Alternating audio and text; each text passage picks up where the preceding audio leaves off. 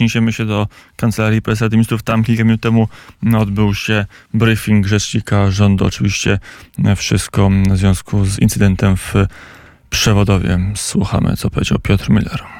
Witam serdecznie w Kancelarii Prezesa Rady Ministrów. Chciałem e, podsumować kilka ostatnich faktów e, i podsumować e, działania komunikacyjne w ostatnim czasie, ale również oczywiście odpowiedzieć, tak jak Państwo wiecie, na każdym briefingu na pytania bieżące.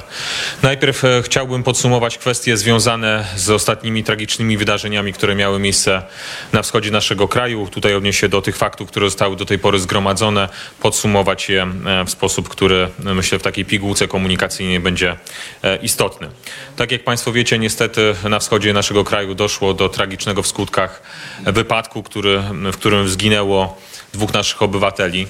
E, na ten moment wiemy, że 15 listopada Rosja, która przeprowadziła zmasowany atak rakietowy na terytorium Ukrainy, doprowadziła do sytuacji, w której siły, powietrze, siły przeciwlotnicze ukraińskie e, musiały podjąć działania obronne. I dotychczas zgromadzone materiały przez polskie służby, ale również przez służby, z którymi współpracujemy, nasze służby sojusznicze, wskazują, że e, powodem tego wydarzenia, powodem tego, e, tej eksplozji rakiety na wschodzie naszego kraju były działania obronne Ukrainy przeciwko działaniom ofensywnym Rosji, która od wielu miesięcy prowadzi działania zbrojne na terenie Ukrainy. Chciałbym podkreślić, że odpowiedzialność polityczna, odpowiedzialność moralna w tym zakresie w pełni jest po stronie rosyjskiej, która od wielu miesięcy prowadzi działania zbrojne na terenie Ukrainy. Rosja e, w sposób bezprawny ingeruje w integralność terytorialną e, innego kraju i tu nie ma żadnej wątpliwości co do tego, kto ponosi odpowiedzialność moralną za tego typu zachowania. Podkreślamy też, że nic nie wskazuje na to, że w tej chwili mamy do czynienia z jakimkolwiek bezpośrednim zagrożeniem dla naszego kraju. Też chciałem, żeby to jasno wybrzmiało. A tak jak Państwo wiecie, dalej są na miejscu wydarzenia prowadzone działania śledczych, gromadzone wszelkie materiały, gromadzone dowody, które są e, na miejscu e, wybuchu, e, gromadzone przez specjalistów. W najbliższym czasie też będziemy informować o dalszych konkluzjach wynikających z tych działań, ale dotychczas zgromadzone kolejne materiały nie wskazują na ten moment, aby te konkluzje miały się w jakiś zasadniczy sposób zmienić. Szanowni Państwo, e, chciałbym też e, powiedzieć kilka słów dotyczących e, informacji, które pojawiały się w ostatnim czasie, jeżeli chodzi o kwestie związane z informowaniem mediów, jeżeli chodzi o kwestie związane z tym tragicznym wydarzeniem, które miało miejsce dwa dni temu. Chciałem powiedzieć o tym, ponieważ tak jak wiemy, w komunikacji ważne jest to, aby przede wszystkim podawać informacje, które są sprawdzone, zweryfikowane i dlatego o tym chciałem kilka słów powiedzieć. Szanowni Państwo, w ostatnim czasie czasie mieliśmy do czynienia z wydarzeniem bezprecedensowym w historii Polski. W związku z tym naszym celem było to, aby podawać Państwu informacje wyłącznie zweryfikowane, informacje, które są potwierdzone przez nasze służby oraz są skonsultowane ze wszystkimi instytucjami państwowymi oraz partnerami międzynarodowymi, którzy mogą posiadać jakiekolwiek informacje w tym zakresie. Tak jak Państwo wiecie, w tym dniu, e, w którym doszło do tego tragicznego wydarzenia, informowaliśmy Państwa w tym zakresie, w jakim to było wtedy możliwe, o wszelkich informacjach, które są już znane i które są zweryfikowane. E, najpierw o tym, że, e, e, że spotyka się Komitet Rady Ministrów do spraw bezpieczeństwa narodowego. Ja przed samym komitetem również Państwu kilka słów na ten temat powiedziałem. Wtedy jeszcze nie było żadnej kompleksowej wiedzy na temat tego, co dokładnie się wydarzyło na naszej wschodniej granicy. Tak jak Państwo wiecie, informowanie o tych wydarzeniach błędne informowanie ewentualne mogłoby wywoływać mm, gigantyczne konsekwencje zarówno krajowe, jak i międzynarodowe. Dlatego też skupialiśmy się na tych informacjach, na tych faktach, które były w tej chwili możliwe do podania.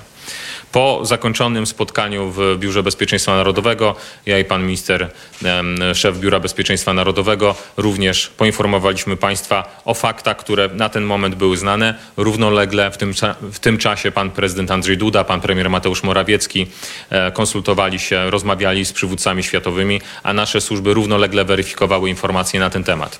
Dlatego też po godzinie około północy mogliśmy podać kolejne informacje, a następnego dnia po e, zebraniu wystarczającej ilości informacji i weryfikacji tych informacji podać do publicznej wiadomości najbardziej prawdopodobne przyczyny zaistniałego e, tragicznego wydarzenia na wschodzie naszego kraju.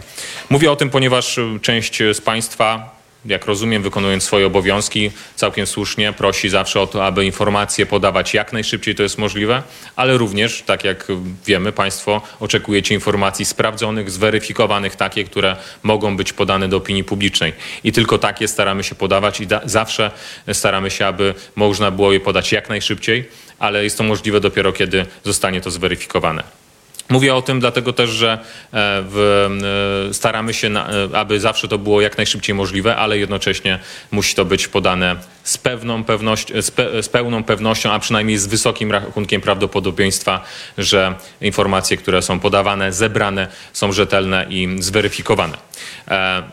Szanowni Państwo, też chciałem tutaj pokazać opinię innych polityków, bo myślę, że to, czy innych instytucji państwowych, międzynarodowych, które odnosiły się do tej sytuacji i myślę, że one będą najlepszą recenzją tych działań. Tutaj mówię między innymi o wypowiedzi chociażby szefa Paktu Północnoatlantyckiego, który wprost mówi o tym, że sojusznicy NATO i Polska zareagowali w spokojny i skoordynowany sposób. Szanowni Państwo, właśnie w takich sytuacjach powinniśmy reagować w ten sposób należy rozumieć, że reagowanie na takie sytuacje to umiejętność znalezienia równowagi między zdecydowaniem, szybkością, a spokojem i nie, unikaniem niepotrzebnej eskalacji. To jest opinia sekretarza generalnego NATO. Również zresztą ze strony y, innych naszych partnerów te informacje dotyczące właśnie sposobu, w jaki informowaliśmy opinię publiczną, ale również naszych sojuszników o tym e, były e, zdecydowanie dobrze oceniane. Chociażby minister spraw zagranicznych tutaj pochwalił zdecydowaną, stanowczą, ale spokojną reakcję Polski na tę sytuację a rzecznik Rady Bezpieczeństwa Narodowego też tutaj chwalił za profesjonalny, przemyślany sposób, w jaki te działania prowadzimy. Mówię o tym, ponieważ oczywiście, tak jak wspomniałem Państwu na początku, chcielibyśmy wszyscy, żebyśmy mogli jak najszybciej informacje podawać, ale zawsze one muszą mieć charakter zweryfikowany. Druga, druga rzecz, o której chciałem dzisiaj powiedzieć, to jest kwestia spotkania e, dzisiejszego pana premiera Mateusza Morawieckiego z przedstawicielami Związku Zawodowego Solidarność. Tak jak państwo wiecie, dzisiaj miały odbyć się w Warszawie, e, miała się odbyć... I to już dalsza część konferencji, która nie jest tak pilna jak wyjaśnienie całej okoliczności incydentów przewodowych, w wyniku którego zginęły dwie osoby, dwóch obywateli Polski, 60 62-letni e, mężczyźni, którzy po prostu przyjechali na codzienne działania zważyć kukurydzę, którą zebrali z własnych pól